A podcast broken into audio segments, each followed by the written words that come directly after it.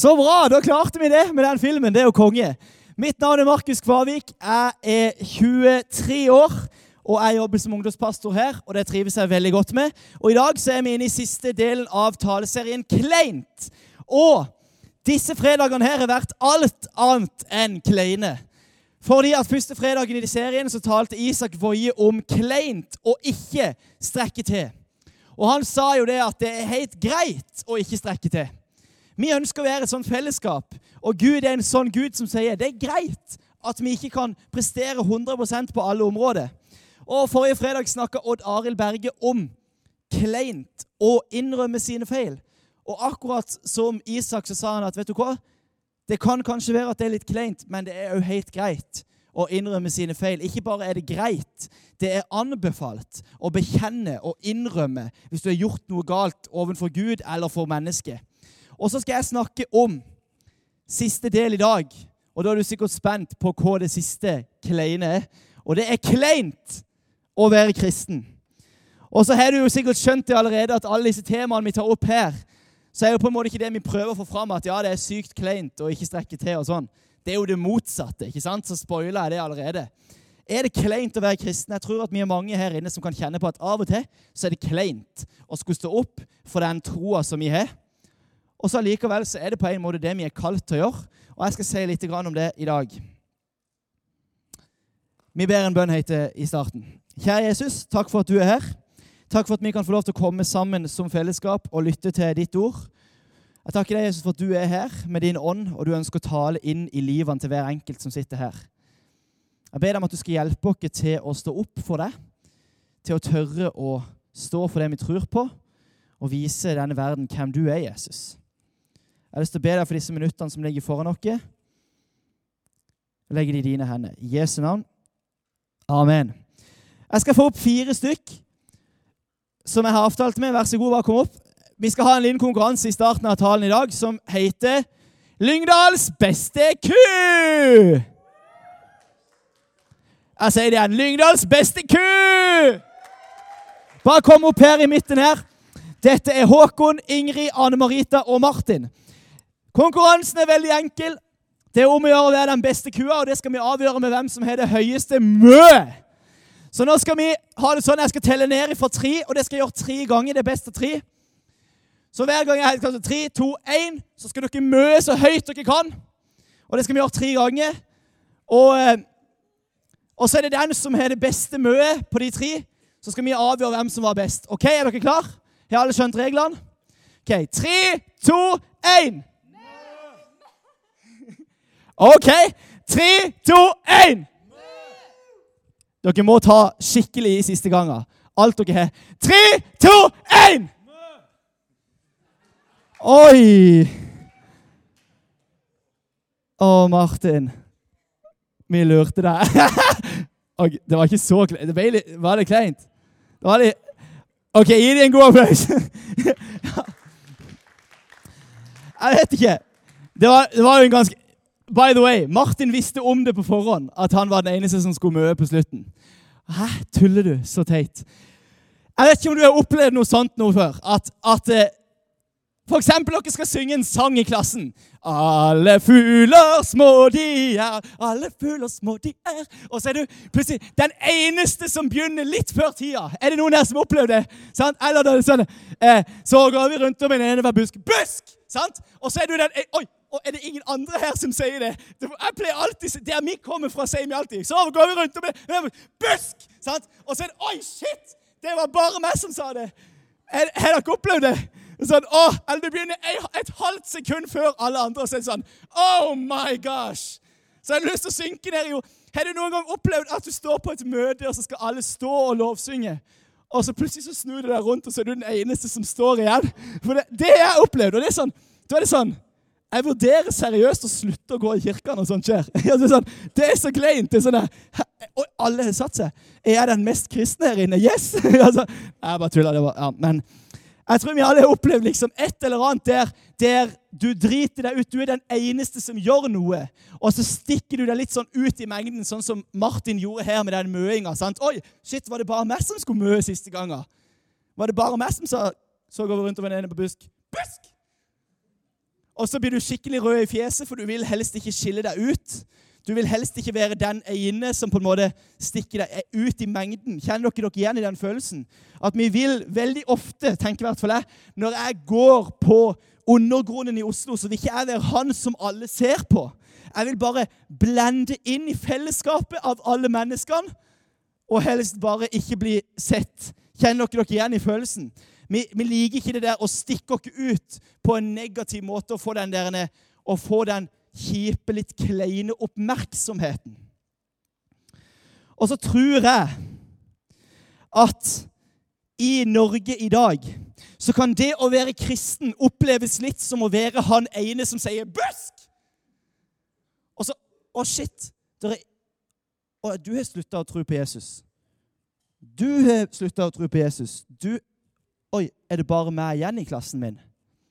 Og så kan du føle på at du på en måte er den eneste som står opp for de sannhetene som Bibelen snakker om. Så kan du oppleve at du er den eneste som, som ikke vil være med på den festen i helga. Og så, så syns du det er litt vanskelig, for alle de andre skal jo. Og så vil ikke du ha den der negative oppmerksomheten, den der busk! sant? Du vil ikke ha de der blikkene på deg som er Å ja, Markus. Alle vi skal jo på festen. Skal ikke du? Du skal ikke på Å ja. Og du Han skal ikke på festen. Alle, alle mi. Det å på en måte stikke seg ut sånn i mengden, det kan av og til være litt vanskelig og litt kjipt. Og litt kleint. Det kan være litt kleint å gå imot strømmen. Og faktisk så er det blitt sånn i Norge i dag. Til og med så har det sneget seg helt ned til bibelbeltet i Lyngdal. At det er litt imot strømmen, det å skulle stå opp for det å være en kristen på skolen. Og nå er det mange av dere som går på KVS, men til og med der så er det jo mange som ikke tror på Jesus. Og vi lever i et såkalt sekulært samfunn der flertallet tror på noe annet. Og i hvert fall føles det sånn at jeg er den eneste kanskje som står opp. Så hva skal vi gjøre, da? Skal vi bare gå med strømmen? Skal vi bare, skal vi bare blende inn? Skal vi bare la være å synge busk, sånn at vi passer inn i samfunnet? Sånn at vi passer inn med de andre i klassen? Eller skal vi stå opp for det vi faktisk tror på? Jeg utfordres av dette fordi jeg syns det er kleint å skille meg ut. Jeg syns det kan være kleint å stå opp for det som Bibelen sier. Jeg har jo lyst til å bare Av og til skulle jeg ønske jeg bare kunne liksom være med på det som alle de andre gjør. For det er så kleint, det er så vanskelig, det er så utfordrende å skulle stå opp for det. I Bibelen så leser vi en historie om tre unge gutter, sånn som dere her, på alder med dere unge, ungdommer, som heter Shadrach, Mesak og Abed Negro. Tre norske gutter. Shadrach, Mesak og Aben-Negro. De er ifra Israel.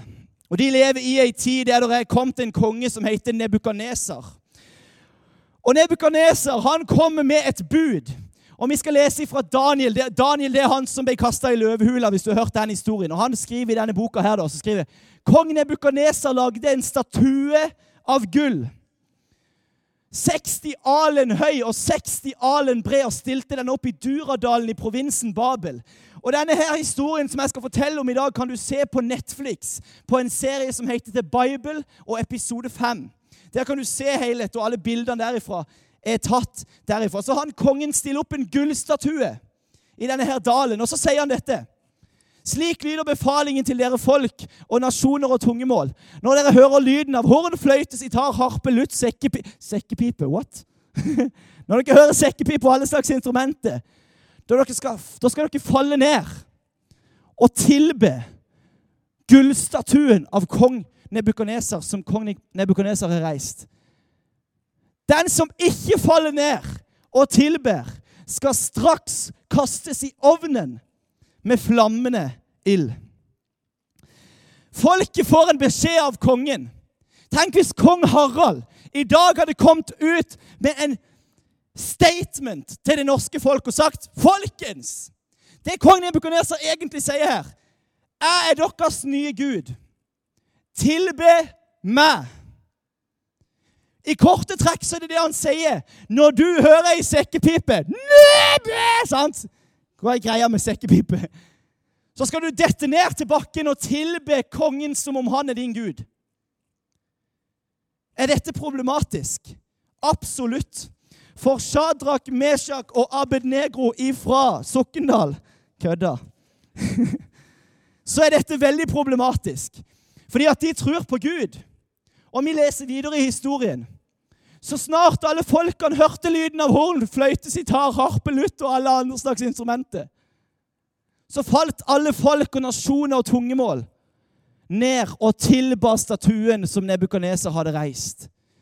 Se på dette sterke bildet som, som Netflix har klart å catche for oss. Alle disse hundrevis av folkene som bøyer kne for kong Nebukaneser. Og midt i denne her mengden så står det tre unge gutter og ser seg rundt. De hadde bestemt seg på forhånd. Vi skal ikke bøye kne for noe annet enn vår Gud. Vi skal ikke la noe konge, ikke noe øvre autoritet komme her og fortelle oss at han er vår Gud. For vi tilhører Han som har skapt himmel og jord. Og vi kommer ikke til å bøye kne for noen ting annet. Så alle bøyer seg. Hashtag kleint! Nå kan du snakke om så går vi rundt om en ene hver busk. Busk! Og sånn, Her er det tre av flere De står jo her. Alle folk. Alle folk! Sannsynligvis er det de tre eneste som står. Hvis jeg hadde sagt det nå, dere tre, reis dere opp. Eh, nei takk, hadde du tenkt. Og her inne er vi bare noen få venner som er samla i de tryggeste omgivelsene. For, for å si det sånn, det å bruke ordet kleint om denne situasjonen, la oss være ærlige, det er en underdrivelse. For påbudet var ikke bare at, at de som ikke bøyer seg, de kan gå og gjøre noe annet. Nei, nei. De som ikke bøyer seg, de skal bli kasta i, i ildovnen. Dette var pretty real stuff som de gikk gjennom det her. Og de velger å ikke bøye seg, disse tre unge mennene. Og Da er det selvfølgelig noen som går og, og sladrer til kongen. Det er noen jødiske menn, sier de, her, som du er satt til å styre provinsen Babel. Shadrach, Mesak og Abed-Negro. Disse mennene bryr seg ikke om påbudet ditt, konge. De dyrker ikke din Gud og tilbør ikke statuen du har stilt opp. Så leser vi verset etterpå.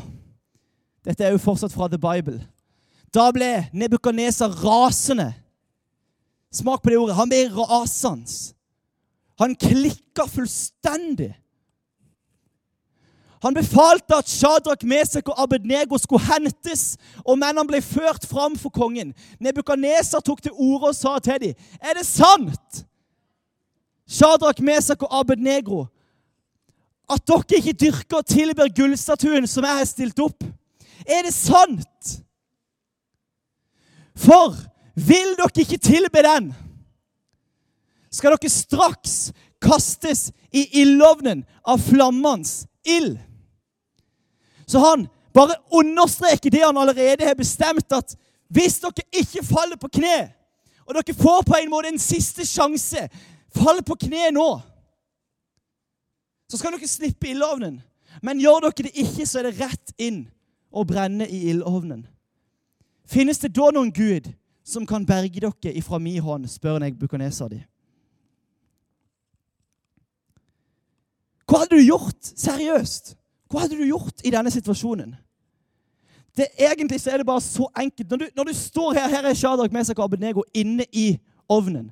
Når du står der, du er bundet fast til en stolpe. Du ser ved, du ser tre ligge rundt deg. Du lukter bensinlukten. Du ser hans soldaten stå på utsida med fakkelen, klar til å hive han på, og boff, så er du i fyr og flamme. Hva gjør du i den situasjonen? Prøv å sette dere inn i dette her. Lukten, følelsene rundt. Du er livredd. Du vet at i løpet av de siste, neste fem minuttene så er jeg sannsynligvis død. Og eneste, grunn, eneste måten å slippe unna det på, det er å bare si OK, jeg skal tilbe deg, konge. Hvor lett hadde det ikke vært å sagt noe sånn som dette her? Vi bare tulla. Vi skal tilbe deg. OK, da. Du vinner, konge. OK, vi, bare slipp dere løs, så skal, vi, så skal vi liksom dette ned på kne og tilbe deg. sant? Det hadde vært så enkelt. Det er jo det letteste. Å bare slippe unna hele greia. Men det er ikke det de sier i det hele tatt. Det neste versene som kommer opp på skjermen, og det er noen av yndlingsversene mine i hele Bibelen. Shadrach, Mesak og Abednego setter et eksempel for oss her som er helt ekstremt. For de svarer ikke OK, da. De svarer Vi behøver ikke å svare deg på dette her, konge. Vi trenger ikke å svare deg på om det er noen konge eller noen gud som kan redde dere. For om den Gud vi dyrker, kan berge oss ut fra ovnen med flammende ild og fra de hånd, konge, så vil han berge oss. Hvis han kan berge oss, så vil han berge oss. Og hør på den neste delen her. Hey boys, bak der. Konge. Er, det, er, dere med på opplegget? Går det greit? Så bra. Takk skal dere ha. Jeg holder på å jobbe, skjønner dere. Og det neste her Hør på dette. Hvis han kan bære oss, så vil han gjøre det. Og om han ikke gjør det Og om han ikke gjør det så skal du vite dette, konge, at likevel så vil vi ikke dyrke din Gud og tilbe gullstatuen. Hvis Gud kan redde dere, så vil han gjøre det. Men om han ikke gjør det Hva søren? Skal vi er, er dere ferdige? Går det greit? Sorry, dere andre. Jeg må bare Det er noen som Ja, Fint. Om Gud ikke vil redde dere, så skal du vite det, konge, at vi kommer ikke til å bøye oss. Vi kommer ikke til å falle på kne. Du får heller bare sette fyr på dette bålet her. Vi vil heller brenne opp enn å bøye kne for din gullstatue. Det er egentlig det de sier. Vi vil heller brenne opp enn å bøye kne. For en karakter! For en tro! disse guttene her viser. Og det skjer jo da at kong Nebukaneser hiver fakkelen på bålet, og, og bålet begynner å brenne. Og det som skjer da, det er jo bare helt, helt utrolig. Guttene brenner ikke opp. Gud kommer og viser sin kraft med at han lar de stå like hele. Ikke et hår på, på hodet deres ble svidd. Og de kommer levende ut igjen. Men det denne historien her tvinger meg til å spørre meg sjøl om, det er dette spørsmålet her. Markus, har du bøyd deg for noe? Har du bøyd deg for noe som ikke er etter Guds vilje? Og for å være helt ærlig så har vi jo ingen vi har jo ingen gullstatue av kong Harald her i dette landet. Vi har jo heller ingen gullstatue av noe annet eller en eller annen offentlig person, Erna Solberg f.eks., som sier 'tilbe meg'. Men vi står gang på gang på gang i hverdagen vår ovenfor situasjoner der vi står, der vi står ovenfor et valg mellom å velge Guds vilje for våre liv eller noe annet. Og mitt spørsmål til dere her i kveld har du bøyd deg for noe? Har du bøyd deg for noe som ikke er etter Guds vilje? Har jeg bøyd meg for noe? Er det et område av mitt liv der jeg er så redd for den ildovnen eller den situasjonen som jeg står overfor, at jeg heller vil bøye kne enn å bli satt fyr på, hvis dere skjønner. Når du står overfor et valg mellom Guds vilje og det å bli litt ydmyka, hva velger du da? Når du står overfor et valg mellom Guds vilje eller en klein følelse, hva velger du da? Når du står i, når du står i fare for å måtte velge mellom Guds vilje og det å bli utestengt, hva velger du da? Når du står i en situasjon der du må velge mellom Guds vilje eller en del motgang, kanskje du risikerer å bli mobba, hva velger du da? Velger du å bare bøye deg og si ok, jeg driter i det der som er Guds vilje, for jeg orker ikke å bli mobba, jeg orker ikke å bli utestengt? Og så velger vi bare det enkleste. Det enkleste for disse guttene her det hadde vært å sagt OK, vi driter i det. Vi, OK, vi tuller bare. Slipp dere løs, så, så går det fint. Har du bøyd deg for noe? Jeg er livredd for at jeg skal bøye meg for ting som ikke er etter Guds vilje. Og, og det som jeg tror skiller mellom om vi velger å bøye oss eller ikke, Det er hva er det som er i hjernen din, hva er det som er i tankene dine idet du står overfor et valg. Når du møter det drikkepresset på skolen, når du møter den situasjonen der du må velge mellom Guds vilje eller det å bli utestengt, eller velge mellom Guds vilje eller en klein følelse Hva er det som får mest plass i tankene dine? Er det ildovnen, som er et bilde på den kleine følelsen, at du blir utestengt, eller et eller annet sånt? Eller er det Gud? Hvem er det som får mest plass inni deg?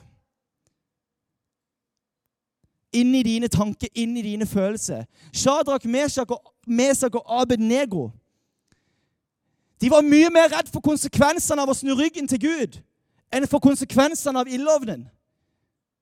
Og Nå kom jo Gud og redda dem, men de, de kunne, det var et ordentlig bål. De kunne brent opp, liksom.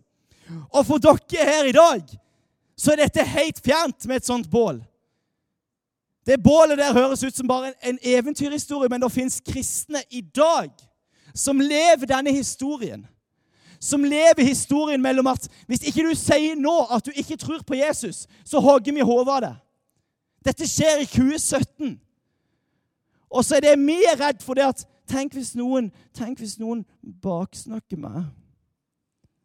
Og så velger vi å på en måte snu ryggen til Gud eller velge vekk Guds vilje fordi at vi er redd for å bli kleine, eller vi er redd for å bli utestengt, eller et eller annet sånt som det. Og så er det faktisk kristne i denne verden som, som risikerer akkurat det samme som disse her. Og spørsmålet tror jeg handler om dette. Har dere hatt sånn her matematikk? Opp med hånda hvis du har hatt sånn matematikk. Jeg har aldri skjønt hva det er, eller jeg har aldri hørt hva det ordet for den der lille sånn der krokodilla som er i midten der, egentlig er. Men jeg kaller det bare for større enn matte. Kan jeg kalle det for større enn matte? Større enn matte handler om at du skal på en måte få denne krokodilla, eller den lille, det lille symbolet, til å være åpent på det tallet som er størst. Så siden ti er større enn to, så skal den være mot ti. Og spørsmålet jeg har lyst til å stille dere i dag, det er dette. Hva søren betyr dette, tenker du? Og det betyr dette. Er trykket på innsida av deg større enn trykket på utsida? Er presset på innsida av deg større enn presset på utsida? Se for dere at jeg hadde hatt en luftmadrass her oppe på scenen nå. En vanlig luftmadrass uten hull i. Da kunne jeg sannsynligvis lagt, lagt, meg ned på den, og den hadde ikke, spre, ikke sprengt. Hvem er enig i det? En vanlig luftmadrass uten hull. Alle er enige i at en vanlig luftmadrass som det ikke er hull i, skal tåle min vekt på 55 kilo. Så den sprekker ikke. Men hadde jeg tatt en bil og kjørt over luftmadrassen Chances are at den hadde sprengt. Fordi at trykket fra utsida er større enn trykket på innsida. Gir det mening? Og spørsmålet jeg stiller til dere her i dag, er trykket på innsida av deg større enn det trykket du møter på utsida? For jeg tror at det er mange av dere som står ovenpå press, gruppepress i en eller annen setting. Her inne i denne salen her så sitter det en haug med vennegjenger, og noen plasser her i denne salen så er det en konkurranse om å gjøre å være kulest, om å gjøre å være finest. Noen som sitter eh, her og der, sant? Og så tenker du Er jeg kul nok? Er jeg bra nok? Og så er det noen som møter drikkepress på skolen. Skal du være med på fest i helga? Skal du være med og drikke deg dritings? Og så er det noen som møter sexpress. Har du hatt sex? Har du hatt sex? Jeg hadde sex forrige helg. Hvor mange har du hatt sex med? Jeg har egentlig ikke lyst til å ha sex før jeg er gift, tenker du. Men siden alle andre har sex, så må vel jeg òg ha sex. Og så møter du det presset. Og så begynner alle å baksnakke hun ene i klassen din. Og så tenker du jeg burde egentlig si noe, jeg burde egentlig si noe, jeg burde egentlig si noe, men så tenker du nei, nei, nei, jeg orker ikke, jeg klarer ikke. Jeg blir bare med, for så slipper jeg å bli utestengt. Så slipper jeg å bli den teite, så slipper jeg å bli han strenge som må si hei, folkens, skal vi snakke om noe annet? Vi møter sånn type press. Blir du med opp på Kiwi? Blir du med der? Blir du med sånn? Og så er det sånn, så tenker du jeg har egentlig ikke lyst. Jeg har egentlig ikke lyst til å gjøre det. Men så er det ikke nok trykk på innsida til å stå opp og si Vet du hva? Jeg blir her, jeg. Jeg blir på møte. Jeg gidder ikke være med opp til Kiwi. Og så har du nok trygt å si vet du hva? Jeg har ikke lyst til å være med på fest i helga. Eller sprekke luftmadrassen din når du møter det trykket? Spørsmålet er er trykket på å følge Guds vilje større i ditt liv enn å unngå ildovnen, enn å unngå ydmykelse, enn å unngå en klein følelse, enn å unngå et eller annet som du ikke Som du helst vil slippe? Er trykket på innsida større enn trykket på utsida? Kan jeg fortelle dere en hemmelighet? Det er egentlig ikke en hemmelighet. Jeg har bøyd meg mange ganger for feil ting. Fordi at trykket ikke var sterkt nok på innsida. Når jeg møtte press, når jeg møtte utfordring i livet, så bøyde jeg kne for noe som ikke var etter Guds vilje. Og hvis jeg skal være helt ærlig, så har jeg sagt og gjort utrolig mye dumt. Jeg har sagt og gjort ting som ikke var etter Guds vilje. Jeg har sagt og gjort ting som har såra meg sjøl og andre mennesker. Og jeg vet ikke om jeg er den eneste her inne, men sannsynligvis ikke.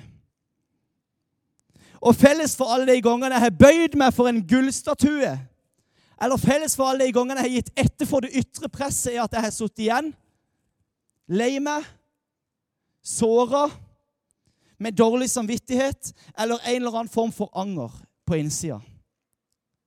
Felles for alle de gangene jeg faktisk er klart å stå oppreist istedenfor å bøye kne for presset, det at de situasjonene har vært noen av de mest krevende situasjonene i mitt liv. Men felles for de alle så har de ført meg nærmere Gud, og de har skapt en større karakter i mitt liv. De gangene jeg klarte å stå istedenfor å dette på kne. Jeg gikk på Eilert Sundt når jeg gikk på videregående. Alle kompisene mine gikk på KVS, og jeg var helt alene på Eilert. Og så langt jeg visste, så var det ingen kristne i min klasse. Og allerede første helga så fikk jeg spørsmål om skal du være med ut på fest i helga. Og jeg syntes det var dritvanskelig, fordi at alle skulle jo. Men jeg hadde tatt et valg på forhånd om at jeg ikke ønska å være med på det. Hva førte det til? Førte det til at jeg ble den mest populære i klassen? Absolutt ikke. Det til, førte det til at jeg ble baksnakka? Absolutt. Førte det til at jeg ble han kleine kristne i klassen? Absolutt. Var det alltid gøy? Nei. Skulle jeg av og til ønske at jeg kunne være med ut og drikke? Ja. Men jeg valgte å stå oppreist. Og selv om det er en av de vanskelige tingene i mitt liv, så er jeg glad for at jeg valgte det, fordi at det førte meg nærmere Gud, og det skapte en større karakter i meg. Men det er mange ganger jeg har bøyd meg for feil ting. Og da er jeg så utrolig takknemlig for at Jesus ikke valgte å bøye seg når han sto ovenfor press. For Jesus gikk til en hage som heter Getsemanehagen, og gikk på kne og sa, 'Gud, hvis det er mulig, så vil jeg slippe dette her korset.' For for å være helt ærlig så kommer jeg til å dø av det. For å være helt ærlig så kommer det til å gjøre vondt. For å være helt ærlig så er jeg ikke så gira på å bli piska og spytta på og sparke og stikke et spyd inn i sida på meg og alt det der. Så Gud, hvis det er mulig, så la dette begeret gå meg forbi. Men Jesus valgte, som vi vet, å ikke bøye seg. Han valgte å stå og følge Guds vilje istedenfor å unngå ildovnen, som i dette tilfellet var et kors. Og han ble lydig til døden ja, døden på korset for alle de gangene som jeg bøyde meg når jeg skulle ha stått. Jesus døde for meg og deg for at vi skulle få lov til å ha en relasjon med han. For selv om vi av og til bøyer oss for feil ting, selv om vi av og til synder, selv om vi av og til går med på det som vi ikke burde gå med på, selv om vi av og til sier det vi ikke burde si, så valgte Jesus å si ja til ildovnen, si ja til korset for at meg og deg skulle få lov til å leve i en relasjon med Han og få tilgivelse for alle de gangene jeg har falt på kne for feil ting. Men så utfordres vi allikevel på å bli stående når de andre bøyer seg. Og jeg har sagt det før, jeg sier det igjen. Vi lever i ei tid der det er mange som bøyer seg. Det er mange som bøyer seg for mye som ikke er etter Guds vilje. Og hvordan ville det sett ut om vi som fellesskap valgte å stå? Og det er et veldig viktig poeng i denne teksten, det er at de var tre. Og det er noen av dere som er i vennegjengen der det er en eller ei som får veldig mye plass, og som velger nesten for hele gruppa. Jeg har sett dette gang på gang i min tid som ungdomspastor her. Alle bråkene møtes, så da vil jeg òg bråke. Alle stikker bort der, så da stikker jeg òg bort der. Han er ute etter å lage trøbbel, så da vil jeg òg være å lage trøbbel. Og Så ser jeg at det er én person som stikker seg ut, som er på en måte lederen. Og så er det kanskje tre-fire som følger etter, som egentlig ikke er så veldig gira. Jeg har lyst til å si det. Stå opp. Stå imot. Og be til Gud om at han skal fylle deg med et sånt trykk. Og det trykket, skal jeg si hva det kommer av? Det kommer av Den hellige ånd, som flytter inn i alle som tror på Jesus. Vi skal reise oss opp helt til slutt.